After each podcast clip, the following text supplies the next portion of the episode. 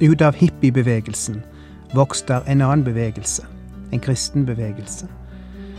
De ble kalt Jesusfolket. Også de var et folk uten land. De var kjent som slike som gikk med gitar slengt over skuldrene, og langt hår og en utslitt bibel.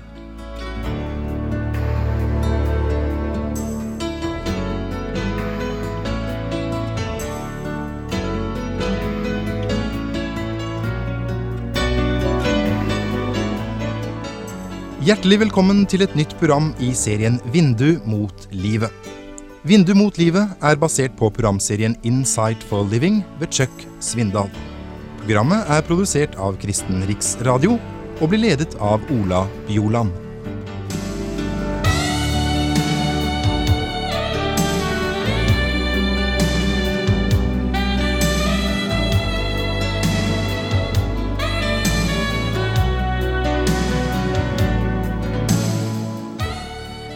I 60-åra oppsto det en generasjon av mennesker som verden ikke riktig visste hvordan de skulle forholde seg til. Det var en samling unge mennesker som så å si ikke hørte til noen plass. En generasjon uten tilhørighet. Et folk uten land. De hadde brutt med det etablerte. De hadde brutt med foreldrenes autoritet og foreldrenes livsstil. Mange av de kritiserte sine foreldre som materialistiske, selviske og hykleriske. Noen kalte disse for hippier. Noen kalte de en subkultur. De flytta ut på gatene i de store byene. Noen bodde på åpne marker. Noen flytta inn i store kollektiv. Noen slo seg til under bruene i byene. Noen tok sin tilflukt til stoff. Hva vi enn kaller de, og hvordan vi enn karakteriserer de, de representerte en ny livsstil og en ny livsfilosofi. Et par sangere som inntil da var relativt ukjente, kom på scenen i denne perioden, i 60-åra, med en sang som etter hvert ble verdenskjent. Det var Paul Simon og Art Garfunkel med sangen When you are weary, feeling small, when tears are in your eyes, I will dry them all. I am on your side. When times get rough and friends just can't be found, like a bridge over troubled water, I will lay me down. Kanskje ikke alle forstår engelsk, men for de unge så er denne sangen relativt kjent, og jeg skal ta med et vers til for å få litt av bakgrunnen for det jeg skal si videre. When you're down and out, when you're on the street, when evening falls so hard, I will comfort you, I'll take your part. When darkness comes and pain is all around, like a bridge over troubled water, I will lay me down. Jeg vet ikke om denne finnes i noen norsk oversettelse, men det som sies i disse versene, er omtrent følgende. Når du er trøtt og føler deg liten, når øynene dine er fulle av tårer, vil jeg tørke dem. Jeg er på din side. Når tiden blir tung og tøff, og ingen venner fins. Jeg vil legge meg ned som en bro over et opprørt vann. Når du er langt nede, når du lever ute på gaten, når kveldene blir tunge, jeg vil trøste deg. Jeg vil ta ditt parti. Når mørket siger på og det er smerte på alle kanter, jeg vil legge meg ned som en bro over opprørt vann. Og ut av denne hippiebevegelsen vokste der en annen bevegelse, en kristen bevegelse som tok denne sangen og omskrev den litt. Putta navnet Jesus inn i den, slik at Jesus blei den som sa, Jeg vil legge meg ned som en bro over opprørt vann. Disse var kalt Jesusfolket. Au de var som et folk uten land. De levde i ingenmannsland. De vart kjent som slike som gikk med en gitar slengt over skuldrene, og langt hår og en utslitt bibel. De fant ikke plass i etablerte kyrkjer, men vart kjent som ei slags kyrkje på gata. Og de begynte å synge sine folkesanger om Jesus.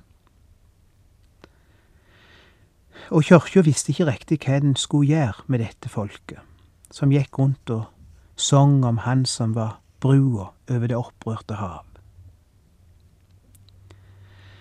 Og det interessante er at vi kan flytte oss 1900 år tilbake i tida, og vi møter et annet folk som òg levde på gata, og som på mange måter likna dette folket.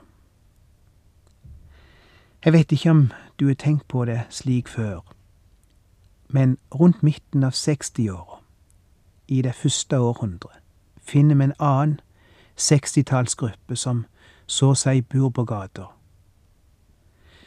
De var overalt i de store byene. Italia hadde sitt Roma, med Jesusfolka på gata.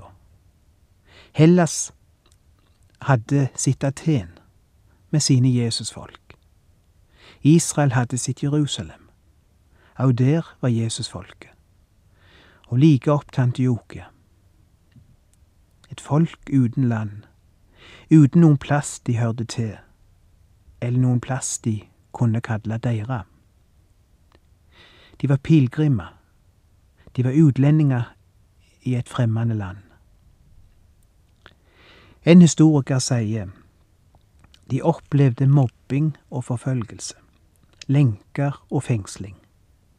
De ble stenet, og de ble sagt i to. De vandret omkring i saueskinn og geitehår, og sov i fjellhuler. Og de satte sin lit til den brua over det opprørte hav, som sangen uttrykker det. Denne brua som gikk over det stigende og truende vatnet. De var jøder, hebreere, og dermed passet de ikke inn i den antijødiske livsstil i det store imperiet Romerriket. De kunne ikke venne seg til myndighetene for å få beskyttelse. Myndighetene var deres farligste fiende, og de vart jakt ifra heim og land, så de hadde ikke noe heim å flykte til heller. Derfor levde de på gata og i fjellhullet, som denne historikeren sier. På denne tida var det en mann som vi ikke kjenner, og som vi til denne dag ikke vet sikkert hvem var, som satte seg ned og skrev en sang, akkurat som Simon og, eller Simon og Garfunkel i 60-åra. Et budskap om ei bru som var lagt over et opprørt vatn. Vel, det var ikke akkurat en sang da, men det var et brev. Og det hadde ingen annen tittel enn overskriften Pros Hebraios, som betyr Til hebreerne. Det var navnet på brevet.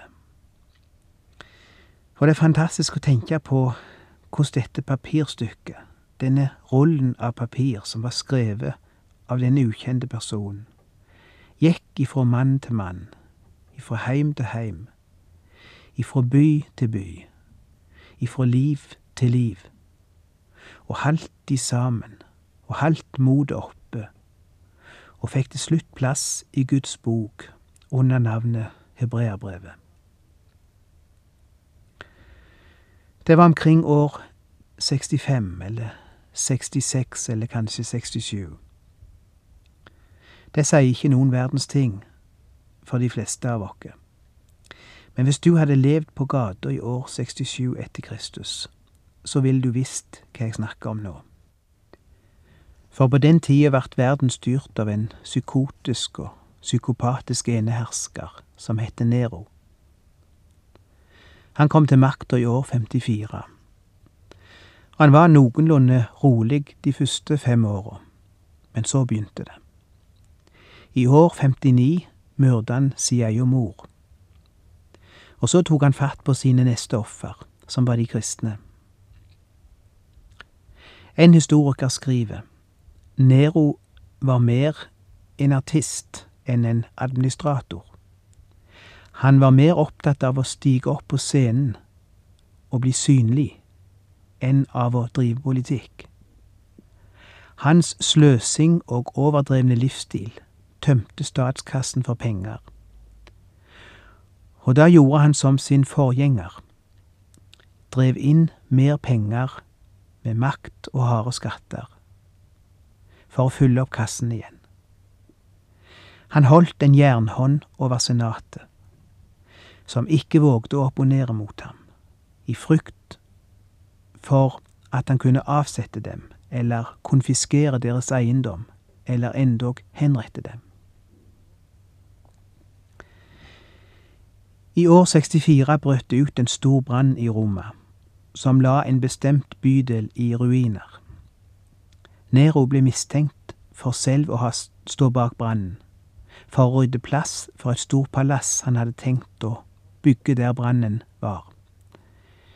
For å få mistanken bort fra seg selv ble de kristne beskyldt for å stå bak brannen.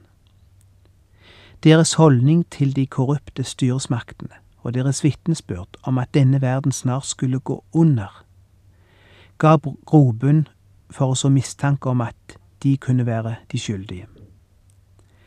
Mange av dem ble derfor arrestert og torturert til døde. Tradisjonen sier at blant annet Peter og Paulus ble myrdet under denne forfølgelsen. Den første store forfølgelse som ble direkte ledet av staten. Så hva er situasjonen i disse åra, år 64 til 68, da en regner med at dette brevet er skrevet?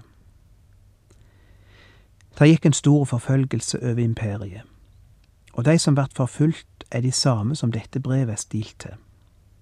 Hebreios, hebreerne, det vil si de av hebreerne som var kristne. Og denne mannen skriver nettopp til denne gruppa og forteller de om brua over det opprørte hav. Jesus, som vil stå ved deres side når vennene svikter og vannet stiger. Han vil være med de, endog om det betyr tap av eiendom, tap av familie, kanskje tap av livet. Han er brua som skal bære de over og de trengte et slikt budskap. Og så skriver han til de, hvem han enn kan være, og ber de om å holde motet oppe på dette grunnlag.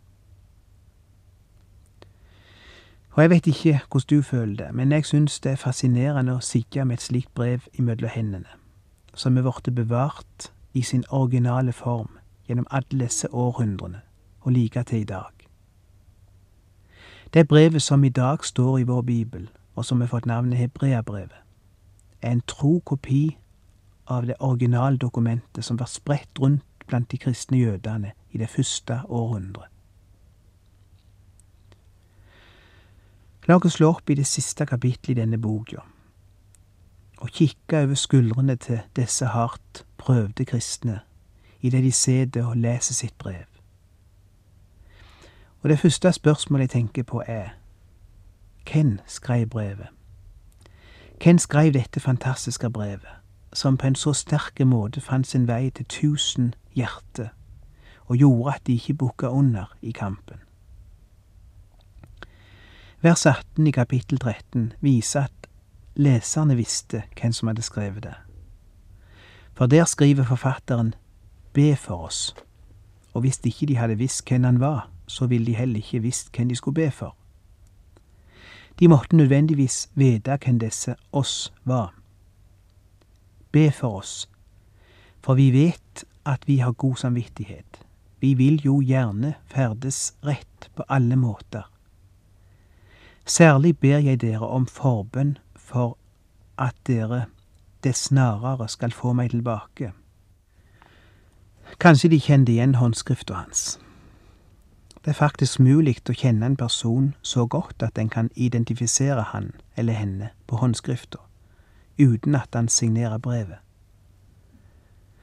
Kanskje han nylig hadde vært sammen med de, og hadde fortalt de at han skulle sende de et brev så snart han kom fram til den og den plassen, og at det derfor ikke var nødvendig å signere brevet.